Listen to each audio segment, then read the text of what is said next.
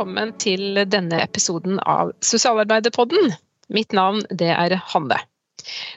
I dag så har vi en spesialepisode, og den skal handle om grønt sosialt arbeid. Grønt sosialt arbeid det er jo et begrep eh, og en del av faget som har eh, fått stadig større oppmerksomhet de senere åra. Eh, ikke så rart, gitt den situasjonen vi ser knytta til klima, miljø og naturødeleggelser. Eh, og FH har over denne her landsmøteperioden hatt et særlig engasjement knytta til det å utvikle politikk eh, på dette området. Og det gjør vi knytta til tariffpolitikk, vi gjør det knytta til samfunnspolitikk, men vi gjør det også knytta til profesjonspolitikk. Og som en del av det profesjonspolitiske arbeidet rundt klima, miljø og natur, så eh, bestemte vi oss for å utvikle en fagbok eh, om grønt sosialt arbeid. En såkalt antologi, dvs. Si at det er mange bidragsytere, mange forfattere med i boka. Og i denne eh, sosialarbeidet så har jeg fått besøk av noen av de som er med og skriver i denne antologien. Og antologien den skal lanseres i forbindelse med FOs landsmøte, som er i slutten av november i 2023. Så da skal vi tre, da, eller vi fire som sitter her nå, eh, fordype oss litt i eh, det som denne boka handler om. Og så er det jo ikke sånn at vi sitter her eh, akkurat heller, fordi vi sitter på hver vår kant av landet, helt bokstavelig talt. En i Molde, en i Stavanger og en på Svalbard, og meg i Oslo. Så sånn kan det også gjøres i, i disse, disse, tider. Og det er jo også en eh, god ting, da, gitt eh, det klima- og miljøbildet vi har i dag. Men hvem er dere? Vi skal ta og starte med en runde hvor dere får lov til å presentere dere sjøl. Starte med deg, Vianne. Ja, hei. Jeg heter Anne Botslangen. Tusen takk for at jeg får lov å være med på dette her. Eh, jeg jobber med utdanning av vernepleiere på Høgskolen i Molde. Og det har jeg gjort i over 20 år. Ehm, jeg har en samfunnsfaglig doktorgrad fra Universitetet i Bergen. Flott. Og så har vi med oss Joakim. Hallo. Jeg heter Joakim Haaland. Jobber på Universitetet i Stavanger ved barnevernspedagogutdanningen. Det har jeg vel gjort i snart ti år. Og jeg holder for øyeblikket på med doktorgradsavhandlingen min. Mm, og det skal vi høre litt mer om eh, etterpå. Og så har vi med oss Kjersti. Ja, hei. Eh, jeg heter Kjersti Grasvolden Merdal, og jeg er sosionom. Og jeg jobber på Vid vitenskapelig høgskole, hvor jeg utdanner sosionomer der. Som jeg har gjort i vel nesten 14 år nå. Velkommen skal dere være. Og så må jeg skynde meg å legge til at vi har altså mange flere forfattere i denne boka. Eh, jeg burde selvfølgelig nå ha visst antallet sånn eh, rett ut, men jeg tror det er i hvert fall over 20. I tillegg så er det en god del praktikere som intervjues i boka. Så det er et stort mangfold av både faglige perspektiver um, og teorier og konkrete eksempler i boka. Men vi skal uh, starte med dere som er her. Kjersti, du har skrevet to kapitler i boka. Kan ikke du fortelle oss litt uh, om hva du skriver om? Jo, det kan jeg godt fortelle. Jeg har skrevet uh, to kapitler, som du sa. Og det ene handler om bærekraftig sosialt arbeid. Det er skrevet sammen med Andreas Pedersen Kikvik i FO. Eh, eh, og der snakker vi om eh, bærekraft og sammenhengen med, grønt sosialt arbeid. og det andre kapitlet jeg har skrevet om, handler om hvor, altså grønt sosialt arbeid i Norge i dag, hvor vi tar for oss ulike si, klimautfordringer i Norge, og hvordan vi helt konkret kan jobbe med det som sosialarbeider. Og det har jeg skrevet sammen med Knut Ivar Bjørlik men eh, det er jo helt tydelig, du, altså, du har skrevet to kapitler. Eh, det er tydelig at du har et stort engasjement for det her, Kjersti. Hvor kommer det engasjementet fra? Ja, det har jeg tenkt litt på, og det er ikke så godt å si. Det kan hende at det egentlig kommer helt tilbake igjen fra jeg var liten og vokste opp på gård. Og eh, hadde veldig tett tilknytning til natur og, dyr. Eh, eller så kommer det kanskje fra Jeg bodde i Afrika et par omganger i ulike land, og jeg så hvordan tørke og manglende avlinger og økende ulikhet påvirka folk der. Men jeg tror det aller mest kommer av at jeg nå, at jeg nå bor på Svalbard. Og at jeg, har bodd der de siste tre og et halvt åra. Og, jeg ser hver eneste dag utenfor vinduet mitt, så ser jeg hvordan klimaendringene påvirker eh, naturen rundt her, jeg ser hvordan det påvirker samfunnet. Jeg kan liksom se at isbreene blir mindre for hvert år vi er her. Jeg kan se hvordan isforholdene er, hvordan det endrer seg. Og det, og, det å ha naturen så tett på som jeg har her, eh, det gjør at det engasjementet har vokst veldig mye. Mm, så, så jeg tror det, det blir sånn Når, det, når, når liksom teorien om klimaendringene treffer deg helt personlig på et sånn emosjonelt nivå i hverdagslivet, så gjør det veldig noe med deg som du har lyst å Som har gjort at jeg har lyst til å være med å skrive om dette og være med å utvikle det fagfeltet eh, i sosialt arbeid, fordi jeg syns det er så viktig. Mm. Og det samme kan vi kanskje si om deg, Joakim. Når jeg leser de tekstene du har skrevet, så skinner det også gjennom et stort personlig engasjement. Hva er det du har skrevet om, og hva som gjør at du engasjerer deg i dette? Ja, jeg har skrevet to kapitler. Ehm, det ene handler om praktisk bruk av friluftsliv på barnevernsinstitusjoner. Eh, og det andre kapittelet er mer en sånn teoretisk fundering, litt praktisk òg, om hvorfor vi utvikler et forhold til naturen. Det som jeg har valgt å kalle samhørighet. Mm. Eh, jeg er født og oppvokst egentlig i byen, så jeg er jo en ordentlig byas. um, så skulle jo ikke tro at jeg fikk et sånt et forhold til naturen. Uh, men det kommer nok fra barndommen, gjetter jeg. For jeg er oppvokst med ei enkel hytte. Kort kjøretur ut forbi byen. Men det var familiehytta, der vi henta vann i bekken. Tente, tente stearinlys for å få lys. Og hadde et bitte lite bilbatteri og et solcellepanel for å få noe strøm. Og da kommer du tett på, selv om det ikke er så langt vekke. Mm. Og så har jeg òg Nå er jeg jo bare 40 år, men jeg føler meg litt som en dinosaur av og til. Fordi barndommen min besto stort sett av at jeg ikke var overvåka av foreldrene mine. Og idet jeg gikk ut døra, så var det et skogholt. Og der kunne vi leke i fred. Og det er noe jeg sånn sett savner i eh, mine egne barns barndom. De, de, gjør ikke det i like stor grad. Så jeg tror jeg kommer fra det. altså Bare ha det tett på. Det høres jo helt magisk ut å, å kunne bo på Svalbard, sånn som Kjersti Marie får lov til. Men òg bare ha, ha nærmiljøet i oppveksten tror jeg kan gjøre mye òg, altså. Mm skal vi snakke litt mer om etterpå, i forhold til de kapitlene du har skrevet. Men Anne, vi må eh, ta med deg også på denne runden, for du har også skrevet to kapitler i boka. Ja, jeg har skrevet ett kapittel sammen med Liv Sølverød om besøksgården som arena for grønt sosialt arbeid. Og så har jeg et, skrevet ett kapittel om tilrettelagt friluftsliv. Dette engasjementet mitt for grønt sosialt arbeid, det på samme måten som med Kjersti og Joakim, så, så, har jeg hatt naturen tett på i oppveksten. Jeg har levd et liv der kontakt med dyr og friluftsliv har vært helt sentralt. Jeg har vært, vært i en del av det miljøet rundt Holmarka besøksgård i veldig mange år. Og der har jeg kunnet delt naturopplevelser sammen med andre besøkende på gården. Friluftsliv det har alltid vært en del av mitt og familien sitt liv både i oppveksten og etterpå med egne barn. Så jeg har, jeg har liksom sett dette her med hvordan mennesker opplever mestring og glede i møte med naturen. Og naturen er et sted å være til stede og finne ro. Uh, ja.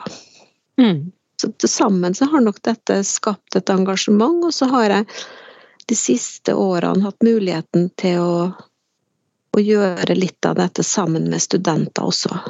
Ja, for Kan vi ikke starte der eh, litt, Anne? For du har jo tatt engasjementet ditt helt konkret inn i, i studiet, altså vernepleierstudiet, og engasjerer også studentene til å, til å uh, bidra um, på denne besøksgården som du også skriver om i boka. Kan du ikke fortelle litt om hva, si, hvilke Eh, hva som ligger til grunn for en sånn måte å jobbe på, og hva tenker du eh, studentene får ut av det? Og, og ikke minst, hva får de som deltar på besøksgården ut av det? Altså, det vi gjorde med studentene på besøksgården, det var at vi laga en, eh, den siste praksisen i vernepleierstudiet, var, den har tre studenter hatt på besøksgården. Um, og det, det var en reise i personlig vekst for dem. Fordi at eh, de starta med å få kontakt med dyra. Det er på en måte ikke mulig å, å gi andre opplevelser sammen med dyra uten at man sjøl har en god relasjon, god og trygg relasjon til dyra. Så studentene starta med å etablere trygge, gode relasjoner til dyra. Og så kunne de invitere andre besøkende inn. Eh, så det, det har nok vært utviklende både personlig og faglig. Så så de studentene kunne tilrettelegge opplevelser på gården der de som kom, kunne oppleve både mestring og ro og glede, og kanskje stolthet over å tørre å klappe denne hesten, eller ja. Mm. Og du, I dine kapitler du skriver også om det som man kan kalle økofilosofi. Ja. Som vi gjerne uh, forbinder med Arne Næss, egentlig. Eh, hva er økofilosofi, og hvorfor tenker du det er relevant for eh, sosialarbeidere? Hvis vi skal, hvis vi skal si det en, veldig enkelt, så handler det kanskje om det at hvis, altså, hvis naturen har det bra, så er det også bra for oss folk. Og hvis vi folk opplever naturen som et bra sted å være, så blir vi interessert i at denne naturen skal ha det bra, ta vare på den. Ehm, jeg veit ikke. Det, det handler jo det, om det at vi tror at folk får et rikere liv ved å tilbringe tid i naturen. Um, ja. Mm. Så tenker jeg Det handler jo også sånn dypt sett om dette med å ha respekt for alt som er levende, ja. Ja. Eh, og ikke minst anerkjenne og respektere at vi er så gjensidig avhengige av hverandre. Og I boka jeg skal bare smette kort innpå det, så har vi også andre bidragsyter, f.eks. biolog Dag Hessen mm. skriver jo om dette i sitt kapittel, ikke sant? hvor han sier at vi er nå i antropocen, altså den tidsalderen som setter mennesket i sentrum. Men vi må, vi må videre, vi må eh, over i en annen forståelse hvor vi setter naturen og mennesket mer på like fot. Og at naturen ikke er til for menneskets skyld, eh, men at vi er på en måte gjensidig avhengige av hverandre. da. Og Arne Johan Vetlesen, filosofen, skriver også et kapittel om dette i, i Etterordet, som jeg syns ble veldig vakkert, og som, som, maler dette ut på en veldig fin måte. Men Kjersti, dette gir også veldig sånn gjenklang tenker jeg, i forhold til vårt faglige fundament. Altså sosialt arbeid som en helhetlig forståelse av forholdet mellom individ, samfunn og omgivelser. Eh, du har jo skrevet om bærekraftsmålene. De er jo veldig breie det er jo helhetsperspektiv i ordets rette forstand, i hvert fall. Hva tenker du om dette? Ja, det, er jo nettopp det, da. At vi eh, hvis vi tar det utgangspunktet som Anne snakker om, er at det, det handler mye om at mennesket er en del av naturen.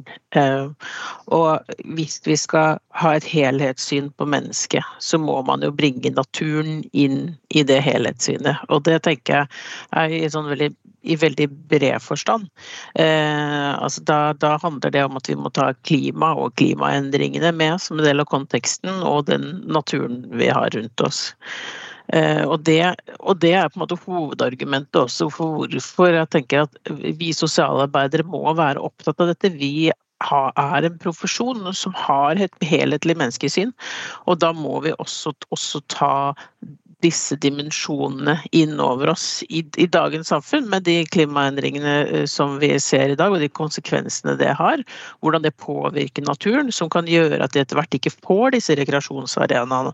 Eh, slik som eh, Anne og, og Joakim har skrevet om. Eh, hvis vi, ikke, hvis vi fortsetter sånn som vi gjør, så vil vi ikke ha det. og vi vil også ha På et helt annet nivå så vil vi også se at mennesker ikke får tilgang til helt liksom, basale behov som vann, ren luft, mattilførsel osv. Ehm, og da kan vi ikke lenger si at eh, klima og natur er noe som andre får forholde seg til. Det er noe som sosialarbeidere også er nødt til å forholde seg til. Så, det, så kan vi selvfølgelig diskutere om det er vi som skal stå i frontlinjen for å, for å forebygge klimaendringer, om vi skal være liksom miljøaktivistene. Men vi må det, Jeg mener jo at vi skal være det også. Noen av oss skal være det. Jeg tenker at i mandatet vårt, hvor, vi, hvor det handler om å forebygge forhold som slår eh, uheldig ut for de svakeste gruppene, så er jo dette midt i kjernen. Vi ser jo det hele tiden at eh, klimaendringene rammer de som er svakest først. De som, altså Bare i Norge, hvis vi ser i sommer, det har blitt plutselig veldig mye mer relevant rundt oss i, eh, i hverdagen nå. I sommer når vi hadde den store Når Hans kom, eh, flommen som vi så, så ser vi det. altså De som har minst penger, de som hadde dårligst husforsikring, de blir rammet hardest. De som har minst nettverk, de som ikke har noen til å hjelpe seg, som de kan flytte direkte inn til eller som må hjelpe seg i opprydningen etterpå, eller oppbygging av husene sine. Så de, blir, de blir rammet hardest. Så hvordan skal de få bygge seg opp igjen? Altså, I tillegg til det så skjer jo det at f.eks. For forsikringene nå blir dyrere igjen fordi at det, er så, det har nå gått vært så mye penger ut, rett og slett. Så blir forsikringene dyrere, som gjør at enda flere ikke har råd til å, å ha forsikringer. Så de tingene som vi tidligere har snakka om som eh, mer sånn perifert, at vi ser at klimaendringene påvirker folk på den sørlige Alkoholen f.eks. De samme tingene begynner å skje her. Og da er det mye lettere også å se at dette blir en, eh, en problematikk som vi må ta fatt i. Ikke bare av solidaritet med resten av verden, men også i forhold til de svakeste gruppene som er Eller de menneskene med færrest ressurser tilgjengelig, da, som er rundt oss i dag. Um, og da eh, tenker jeg at vi må ta inn over oss disse bærekraftsbegrepene som også noe som er relevant i sosialt arbeid. At vi ikke bare må tenke sosial bærekraft, men også økonomisk og, og klimamessig bærekraft. At disse tre eh, mm, områdene sammen Vi er nødt til å ta hensyn til alle de områdene i arbeidet vårt. Og der, Joakim, har jo du jobba helt konkret med å Eh, på en måte gjøre det som nettopp det som Kjersti sier. Eh, omsette dette litt sånn teoretiske overordna perspektivene knytta til solidaritet, engasjement, eh, fag. Og sette det inn i en helt konkret sosialfaglig kontekst, som nettopp er det å jobbe med ungdom på, på en barnevernsinstitusjon. Kan ikke du fortelle oss litt om hva det har handla om? Jo, det kan jeg godt. Egentlig så handler det om to ting. Eh, og det er litt fint at dette har jeg blitt utfordret på av fagfeller når jeg har skrevet dette. Både her i boken og i, i, når jeg har prøvd å lage internasjonale forskningsartikler. Eh, for på den ene siden eh, så har friluftslivet en form for nytteverdi. Altså De ansatte har konstruert barnevernsinstitusjoner for å møte behov som vi ikke klarer å møte på en annen måte. Allikevel ser de at det er noen områder vi ikke klarer å hjelpe unge godt nok på. Så de tar de med ut på tur i, i skog og mark. Eh, med tanke om at her må vi òg tilføre noe annet enn det vi klarer i dette huset som vi har bygd. Eh, og så nytteverdimessig så tenker vi jo ja ok, hva kan friluftslivet og naturen ha å by på for oss mennesker? Hvordan kan det hjelpe ungdom? Eh, altså Det er en lang diskusjon. Eh, jeg skal ikke gå inn i detaljene der, men jeg syns akkurat det bildet er viktig å ha i, i, i bakhodet. At de bruker naturen for å få til noe som ikke de får til inne. Det er en merverdi her. Det andre perspektivet som vi kanskje kan glemme ut, er jo at naturen har en egenverdi. Naturen og livet i naturen er viktig i seg sjøl. Og hvordan jobber de med det? Og er det noe som utsatte barn og unge har behov for å vite noe om? Igjen så har jeg mange lange svar, men, men det korte svaret er jo at vi må også se på de iboende verdiene som ligger i naturmøter, i naturen. Og, og, mye av dette ligger egentlig i friluftslivets ånd, sånn som tradisjonen har vært i Norge. At dette er verdier som har gått i arv eh, fra foreldre til barn eller fra miljøarbeidere til ungdom i dette tilfellet. Der vi lærer noe om ja, hvordan skal vi bruke naturen. Og hva er det ved naturen som er verdt å verne, og som er verdt å bli glad i. Det har vi egentlig lange tradisjoner for i Norge. Så, så det er fint òg å se at de ansatte bærer den fakkelen litt videre og, og overfører disse tradisjonene. Mm. Og i en som, i hvert fall tenker jeg sånn i en sånn miljøterapeutisk forstand også, så kan du også gi helt andre innganger. Det skriver du også litt om, ikke sant. At det å være ute i naturlige omgivelser, det å ja, det er sånn som du skriver om Anne, det å bruke uh, dyr f.eks., det er nærkontakt med dyr, det gjør også at man får andre innganger til å få kontakt da, med, med den brukergruppen man jobber med. Man kan få til andre samtaler.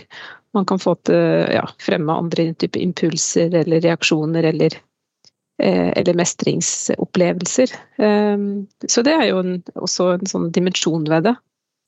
Ja, definitivt. Ehm, både mestringsopplevelser eh, For dette er jo særlig ungdom som har lært seg, dessverre, at voksne Mange av de har lært at voksne kan vi ikke stole på. Og her blir de sånn sett putta i en situasjon der de er nødt til å stole på de voksne. For det er de som gjerne behersker friluftslivet og, og elementene. Og, og, da viser de ansatte langt på vei at de, de, er veldig gode til å tilpasse utfordringene. I passe doser, og at de da er der til å hjelpe og kan vise at, at de er til å stole på. Og motsatt òg. Eh, det er ansatte som forteller at eh, de lar ungdom være den som holder i tauet når de ansatte klatrer ansatte som sitter igjen på en holme, mens ungdommene får padle av gårde med, med kanoen og hente utstyr. Og, og, da de nødt til å komme tilbake, heller så blir de ansatte værende der. så, så, det er et sånt samspill altså både mellom menneske og natur, men òg mellom mennesker, der vi faktisk Innsatsen er betydningsfull.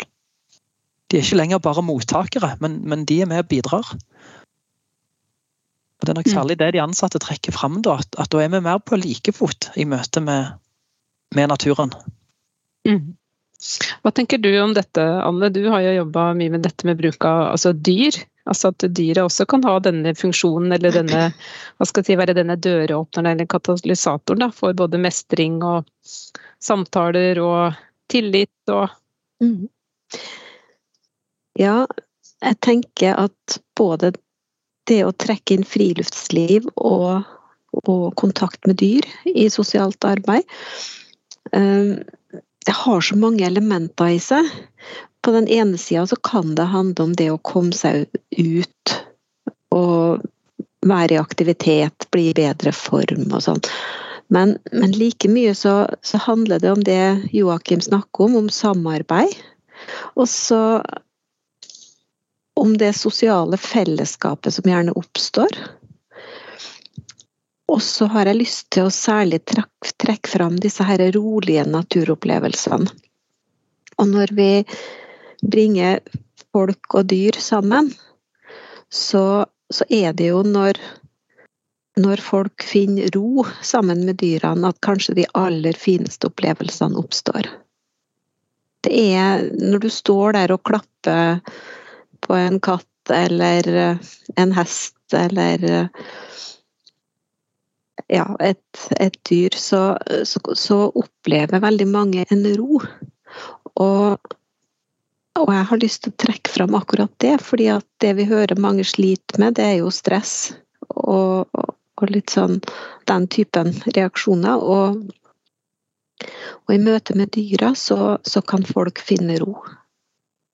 Um, og så er det viktig å ha, å ha dyr som er trent for å møte besøkende.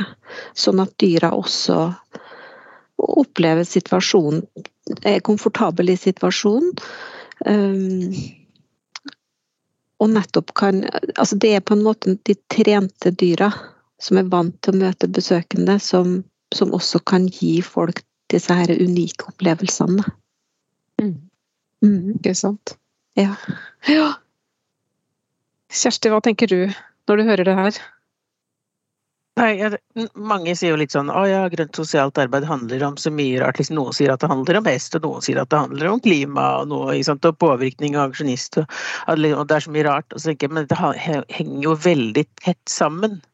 Eh, for det er helt åpenbart altså Mennesket, mennesket er avhengig av naturen. Eh, det kan, skape, det kan være rehabilitering, det kan være velvære, det kan være fysisk og psykisk helse. Sånt. Det, men vi da, og da er vi helt avhengig av at den naturen er der, og at den er tilgjengelig for oss. Og jeg tenker også at alle disse møtene med naturen gjør jo også at folk føler seg kobla til naturen. For det som har skjedd med veldig mange mennesker i dag, er jo at man er så lite kobla på natur. Man er helt avkobla og lever liv som ikke nødvendigvis eh, er i takt med naturen i det hele tatt. Eh, og jeg tenker på eh, Jeg bodde i Oslo før jeg flytta til Svalbard. Og vi bodde veldig tett på marka, vi. Men den følelsen av å være tett på natur altså det om jeg gikk blant trær hver eneste dag, så var jeg ikke kobla på naturen. Altså All natur vi hadde rundt oss, var på en måte underlagt mennesker, da, man kan kalle det det. ikke sant? Gått til stier og veier og skilt, og, og det, var veldig, veldig, det er jo selvfølgelig veldig trygt. Um, og, og, du får hvert fall på den måten jeg brukte naturen der. Man kan bruke naturen på mange flere måter om man bor i Oslo enn det jeg gjorde, men så, så hadde jeg ikke den følelsen av sånn samhørighet med naturen. Etter å flytta til Svalbard så har jeg fått en helt sånn annen connection til naturen, rett og slett fordi den er så tett på, den er så stor, den er så mektig, og du inngår et system hvor du skjønner at vi er jo ikke på toppen av dette hierarkiet. Hvis ikke jeg tar veldig store forholdsregler, så kan jeg faktisk dø når jeg går ut i naturen. Og det kan høres skremmende ut. Jeg syns det er helt fantastisk deilig. Det gir meg en sånn ro og en sånn eh, Jeg kjenner at her har vi kommet inn i et hierarki som er riktigere, da. Hvis ikke jeg tar med meg rifla for å være liksom i tilfelle møte bjørn, eller hvis ikke vi tar hensyn til liksom snøskred eller eh, isbreene osv. som er der, så kan det være livsfarlig. Og det føles helt riktig. Eh, vi, og da, da er vi kommet tett på naturen igjen, og, og man er en del av det. Og, og, hvis ikke mennesker føler at de er tett på naturen, eller har en måte kobling til naturen, så er det jo heller ingen grunn til å ta vare på den. Mm. Hvorfor skal vi ta, gjøre store offer i hverdagen vår, som vi faktisk må, for at vi skal gjøre noe med disse klimaendringene? Da må vi jo ha et, et slags emosjonelt forhold til naturen. Hvis ikke så vil vi jo ikke gjøre ofringer. Vi vil ikke gjøre endringer i hverdagene våre. Og, og, det er jo rett og slett det vi må gjøre. Og Derfor mm. så er det også i tillegg til den måte, eh, behandlende effekten kan ha, så er det så viktig at flere får tilgang til naturen. Dette er jo rett og slett, som du sier, litt på liv og død. Altså Én ting er på Svalbard hvor man kan si, møte på bjørn, men det er jo også på liv og død for oss andre. For hvis vi ikke klarer å endre eh, ferden, så er vi jo i ferd med å og, og ødelegge, eller hva skal vi si, saga den greina vi sitter på, for å bruke det bildet. Så det er helt, helt nødvendig at vi faktisk gjør noe. Um, og det bringer oss jo eh, litt tilbake til det du for så vidt snakka om i stad, Kjersti, dette med den politiske dimensjonen. Uh, vi har jo med et kapittel i boka av Lena Dominelli som kanskje er den som har skrevet aller mest om grønt sosialt arbeid internasjonalt. Eh, og Lena Dominelli kobler jo grønt sosialt arbeid veldig sterkt til en politisk dimensjon. Altså dette handler om å, eh, å si, ta på alvor de, eh, de utviklingstrekkene vi ser i forhold til hvordan vi vi ødelegger livsgrunnlaget vårt for, for oss sjøl, for, for, dyr, for fauna, for insekter, for framtidige generasjoner. Um, og at dette er noe vi må ta på dypeste alvor uh, og også jobbe politisk med. Men hvordan kan man gjøre det? Har du noe innspill til oss i forhold til det, Kjersti? Altså, for det er jo veldig fort gjort å bli litt sånn handlingslamma, og i boka så skriver bl.a. Knut Ivar Bjørlikhaug også om dette med klimaangst og økosorg, som også er en dimensjon her. Og man kan bli rett og slett litt sånn redd og kanskje litt handlingslamma. Så hva kan vi gjøre da? Ja, det er jo et stort spørsmål, eh, fordi Eller det har mange svar, for å si det sånn. Eh, og det som jeg har lyst til å trekke fram, er jo det at det å jobbe politisk er i utgangspunktet ikke noe nytt for sosialarbeidere. Det har alltid vært i mandatet vårt. Men vi har hatt et tydelig fokus på dette med sosial urettferdighet. At vi skal jobbe politisk for å påvirke um, strukturer som, som rammer urett.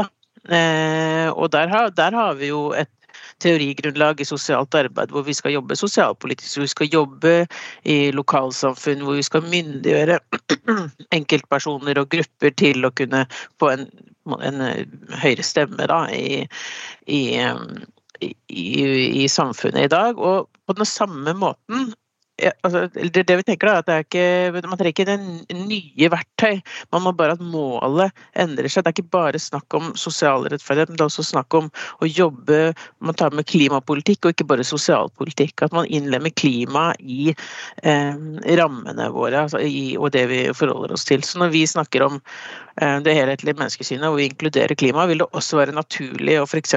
svare på høringer, jobbe med å, lobbe og påvirke eh, politisk faktisk eh, også klimapolitisk, og ikke bare sosialpolitisk. Så vi bruker de samme verktøyene som vi har fra før, men målet er kanskje litt annerledes. Altså målet vil kanskje være klimapolitisk og ikke sosialpolitisk.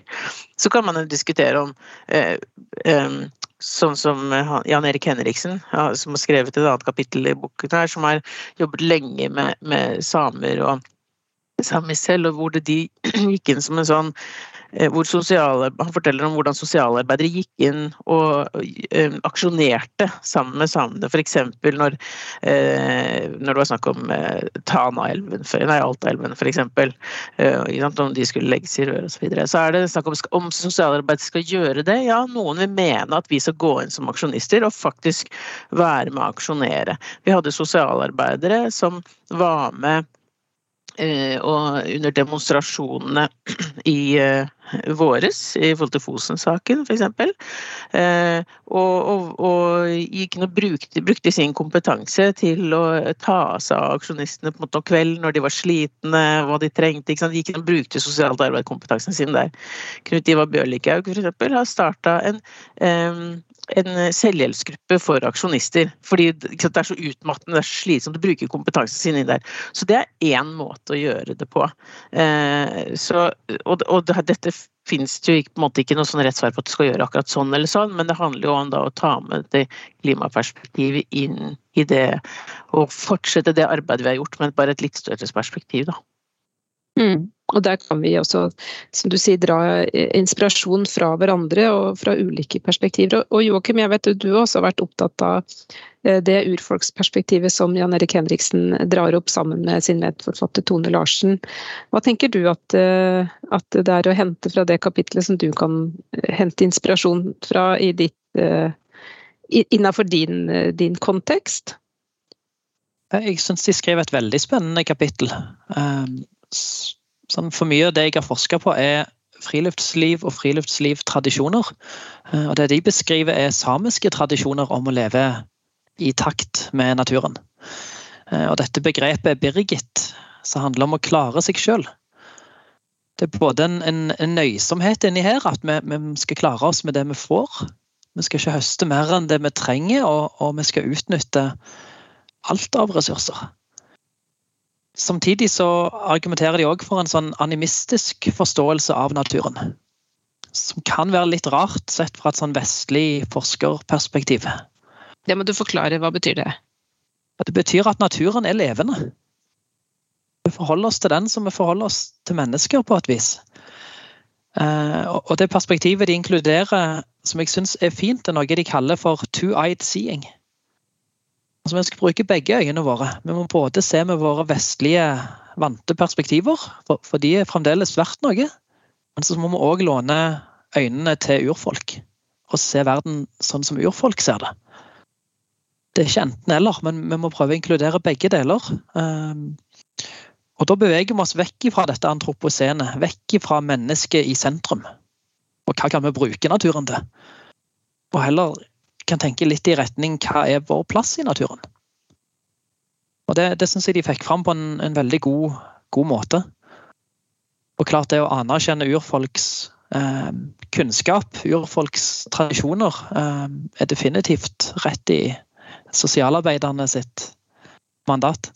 Mm. Absolutt. Og det, det, bringer også inn en uh, etisk dimensjon her. Um, og vi har jo et yrkesetisk grunnlagsdokument som også handler om det å bidra til at alle stemmer skal bli hørt. Og kanskje må det også og ikke minst solidaritet og likeverd. Og eh, kanskje må vi bringe inn en dimensjon til. Altså, dette handler ikke bare om mennesker, men det handler også om andre levende veser som også må få, eh, få en stemme. Og at vi også kan bidra til å være deres stemme. Fordi vi også trenger at de er eh, bærekraftige og, levende på et vis. Men Anne, vi skal snart gå inn for landing.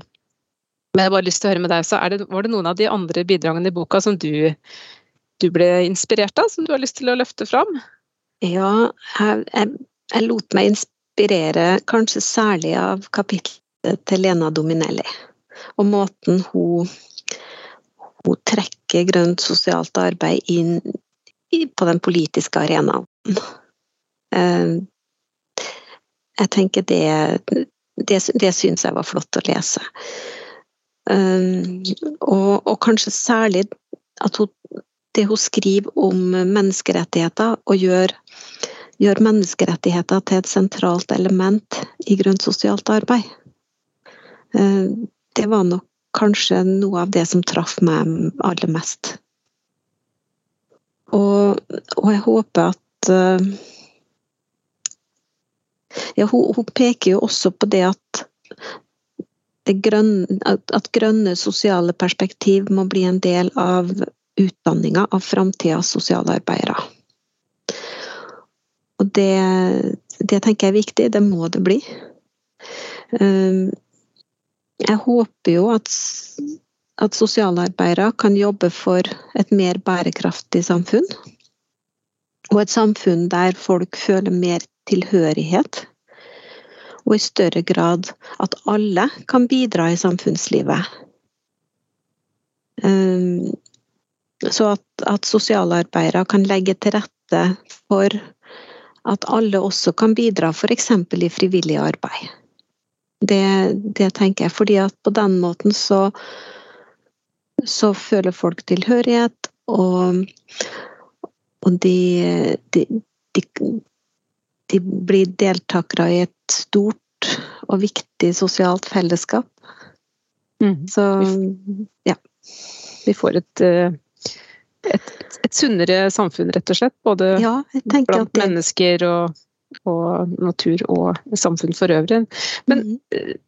Du, nå sier du, du liksom noe om hva du håper at denne boka skal bidra til. Jeg har også lyst til å høre med dere, Kjersti og Joakim. Hva, hva sånn kort til slutt, hva er deres håp for uh, denne boka og framtiden til grønt sosialt arbeid? Joakim først. Først og fremst så håper jeg han blir lest. Det hadde vært fint. Og så håper jeg at det inspirerer både praksisfelt og utdanninger til å inkludere natur i, arbeidet vi gjør. Enten det er politisk eller om det er praktisk. Og så har jeg òg et lite håp. Sånn, den, denne roen som, som Anders snakker om, den kan vi ikke formidle på en 45 minutters forelesning der studentene sitter bak en dataskjerm. Så jeg håper òg at, at de som ennå ikke har gjort det, tar seg den tiden og roen til å finne roen. At de kan være ute lenge nok til at de fryser og blir kalde og blir varme igjen. At de tar den tiden det tar for oss å oppleve naturmøter. Men, men det er ingen quick fix der. Men kanskje hvis de, er, hvis de blir inspirerte, det må jo være det kjekkeste. At de har lyst til å lære mer. Absolutt. Mm. Vi, vi, har lyst til å inspirere, har vi ikke det, Kjersti? Jo, veldig. Jeg følte egentlig det burde vært siste ordet. Men jeg må jo si det at jeg, jeg har jo store forhåpninger til den boka, for vi vet jo det, vi som jobber på disse utdanningsinstitusjonene, at uten, pens, uten godt pensum som tar for seg eh, disse spørsmålene i en norsk kontekst, så er det vanskelig både å nå studentene, men også å få andre enn vi, altså vi, alle vi som sitter her, og, vi som har skrevet denne boka, her, er personlig engasjert i dette og, og, tenker at grønt sosialt arbeid er en viktig bit i det sosialt arbeid. Det gjør jo ikke alle. Øh, men det at man utvikler pensum, gjør at det kanskje blir lettere tilgjengelig for de som også ikke ikke har så stor kjennskap til det, tenker jeg andre, både de som jobber i praksisfeltet, men også andre som jobber på eh, ulike høyskolene og universitetene, til å, at det blir en inspirasjon og kanskje det man trenger da, for å komme til at man tenker at ja, dette vil jeg, også jeg undervise i.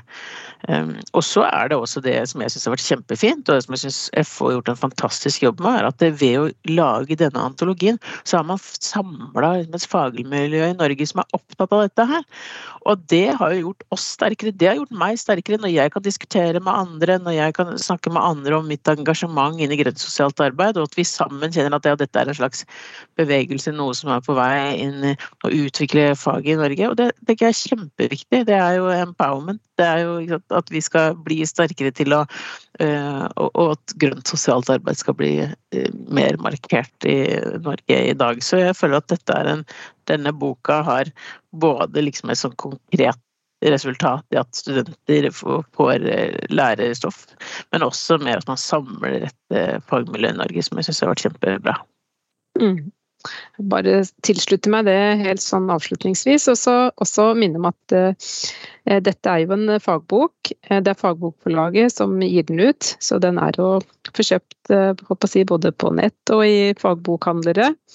Eh, og jeg vil også slå et slag for at det er dere som jobber ute i praksisfeltet, altså som jobber som barnevernspedagoger, sosionomer, vernepleiere, velferdsvitere, også vurderer å kjøpe boka, eventuelt be arbeidsgiver om å kjøpe boka og å ta en titt. Fordi en antologi er jo eh, sånn laga at man også kan lese enkeltkapitler, og så plukke seg litt ut de temaene og overskriftene som man blir eh, opptatt av. Eh, og starte der, rett og slett.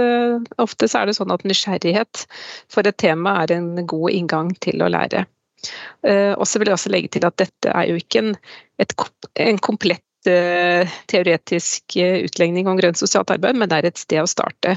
Så vårt håp, både fra FO og fra oss som har bidratt eh, i boka, er jo at dette er et fagfelt som skal utvikles nå framover, og at det vil modnes og stå enda sterkere innenfor de sosialfaglige fagtradisjonene også i framtida. Så med det så tror jeg vi må gå inn for landing. Vi kunne antageligvis sitte her og snakke om det her ganske mye lenger til, men det skal vi ikke gjøre. Vi overlater nå til dere som er lyttere å skaffe dere boka og lese mer. Jeg håper det har vært til inspirasjon, at eh, dere blir nysgjerrig på hva dette handler om.